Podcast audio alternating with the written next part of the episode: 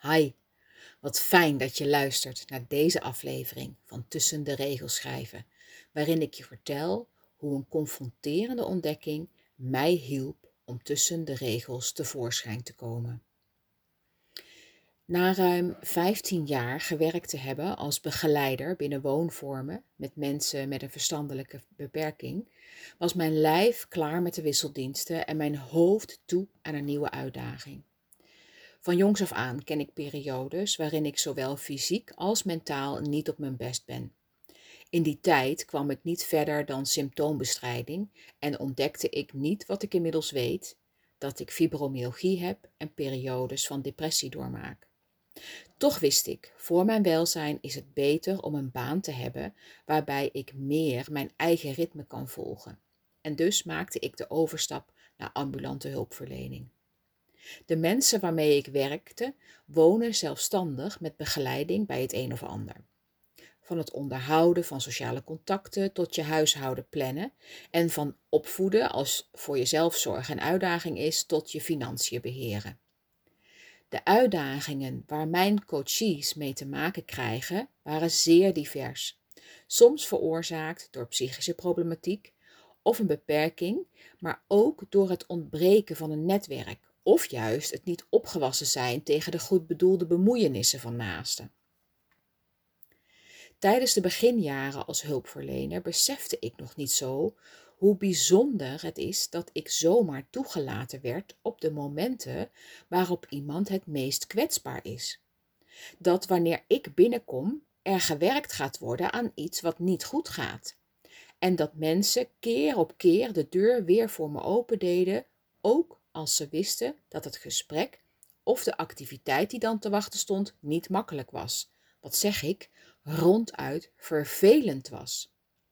Wie wil er nou week in, week uit te horen krijgen dat het niet lukt om zelf je huishoudboekje op orde te houden? Of onthouden dat je niet je hele dag vol moet plannen en rust moet nemen? Van huis uit was ik gewend om gewezen te worden op fouten. En door het werk in de woongroepen, waar mijn begeleiding gericht was juist op het vervangen van uh, het uitvoeren van wat de cliënten niet konden, kwam het niet eens in me op om ook of juist aandacht te besteden aan wat wel goed ging, aan wat wel lukte. Tijdens een in-company training dat ging over op, oplossingsgericht werken. Um, uh, waarbij het uitgangspunt is dat ik precies het tegenovergestelde uh, ging doen van wat ik tot nu toe gedaan had. ik leerde dat niet ik juist de oplossing moest bedenken, maar dat de coachie al dan niet met zijn of haar omgeving een oplossing ehm, ging zoeken van een ontstaan probleem. Het maakte dat ik ontdekte waarom het groepswerk me zo had uitgeput. En dat ik met het schaamrood op de kaken besefte dat het ook wel behoorlijk arrogant is te denken dat ik, of nou ja, heel hulpverlenend Nederland, het allemaal beter wist. Tot dan toe was ik er samen met mijn collega's van uitgegaan dat, zoals het leven voor ons werkte, dat dat ook het beste was voor iemand die het leven met een beperking te leven heeft. En dat laatste was persoonlijk heel confronterend. Ook ik dacht dat ik mijn leven met de ja, beperkingen of uitdagingen die fibromyalgie en depressie met zich meebrengen moest leven, zoals ik dat zag bij vrienden, familie en collega's. In mijn werk leerde ik dat gedrag A benaderd moest worden met methode X, of dat ik met methode Y kon bijdragen aan het behalen van doelen van meneer D. Op die manier keek ik ook naar mijn eigen leven. Als ik nou maar X, Y en Z deed, dan leverde dat op den duur het gewenste effect op. Heb jij je wel eens afgevraagd waarom je niet gewoon, net als je zus, de overbuurvrouw, je vriendin of met wie je jezelf dan ook maar vergelijkt, waarom je niet gewoon je leven op rolletjes hebt? Of, en wees eerlijk, waarom je leven niet zo Instagrammable is dan al die anderen? Ik zal eerlijk zijn, ik deed dat. Vergelijken en dan vooral om altijd te concluderen dat ik een sukkel moest zijn, omdat ik het niet voor elkaar kreeg. Tot we binnen de hulpverlening in 2015 overgingen naar een nieuwe manier van in kaart brengen van iemands situatie. Er was niet alleen aandacht voor wat het probleem was, waar iemand tegenaan liep, maar er was ook oog voor wat er goed ging en waarom dat onderdeel goed ging. En hoe die vaardigheid ingezet kon worden bij het omgaan met het probleem.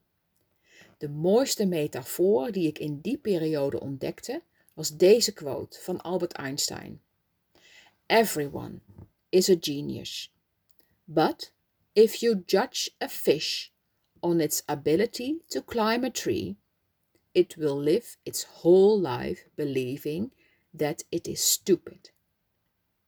Dat is wat we vaak anderen, maar vooral ook onszelf aandoen. Je volgt wat je voorgedaan is. Je durft geen stappen te zetten buiten het, buiten het bekende als je daartoe niet wordt aangemoedigd en stap niet uit je eigen schaduw omdat je bang bent dat je uitgelachen wordt of toch niet in staat blijkt te zijn tot wat je dacht. Maar ook omdat je loyaal bent, ergens bij wilt horen en niet alleen door het leven wil gaan. Dat ik een tijdje mocht oplopen met mensen, ieder met zijn of haar eigen uitdagingen, die daarmee hun eigen weg zochten, maakte mij nederig, maar ook eerlijker naar mezelf. Ik durfde steeds meer onder ogen te zien dat ik mijn best maar bleef doen om aan verwachtingen te voldoen, om een vis te zijn die een boom moest beklimmen. Eh, verwachtingen van mezelf, maar ook van anderen. Ik had daarmee een beeld neergezet van iemand die alles op orde had, die overal en nergens een oplossing voor wist en die je altijd om hulp kon vragen. Door hierover te schrijven, alleen, maar vooral tijdens de schrijfgetretes, kwam ik langzaamaan tussen de regels tevoorschijn. De ik die ik altijd al was, maar niet durfde zijn, omdat ik het doodeng vond. Oké, vind ook nog wel, om nee te zeggen. Om te zeggen dat ik iets niet kan. Mijn creatieve geest stelde ik niet alleen ten dienste van mijn werk, maar ook van mezelf. Voor elke situatie probeerde ik een oplossing te bedenken, precies zoals ik dat mijn coaches ook had zien doen. Vanuit de gedachte: wat kan wel? Wat is er nodig om? Hoe kan ik ervoor zorgen dat? En nee, dat betekent niet dat een beperking er niet meer is. En dus besteedde ik ook aandacht aan gevoelens van rouw, frustratie, verdriet en machteloosheid. Ik weet dat ook dat tijd, ruimte en aandacht vraagt, want ook ik heb mijn innerlijke portie um, innerlijk schaduwwerk te doen. Ook ik heb soms een periode waarin ik rouw om wat niet is en nooit zal kunnen. Het is een cyclisch proces dus perioden van rouw worden weer gevolgd door perioden van creativiteit, dankbaarheid, boosheid ook soms, maar ook verheugvreugde, verheugvreugde op wat allemaal wel kan. Wat ik maar wil zeggen, welke uitdagingen jij ook in je leven hebt, weet dat je niet alleen bent. Weet dat je niet de enige bent.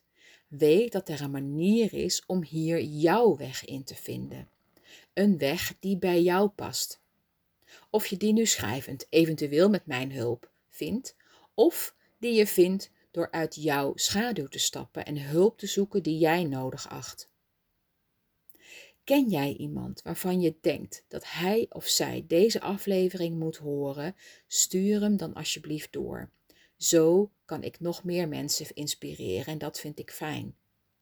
Dank je wel voor het luisteren naar deze aflevering en heel graag tot een volgende.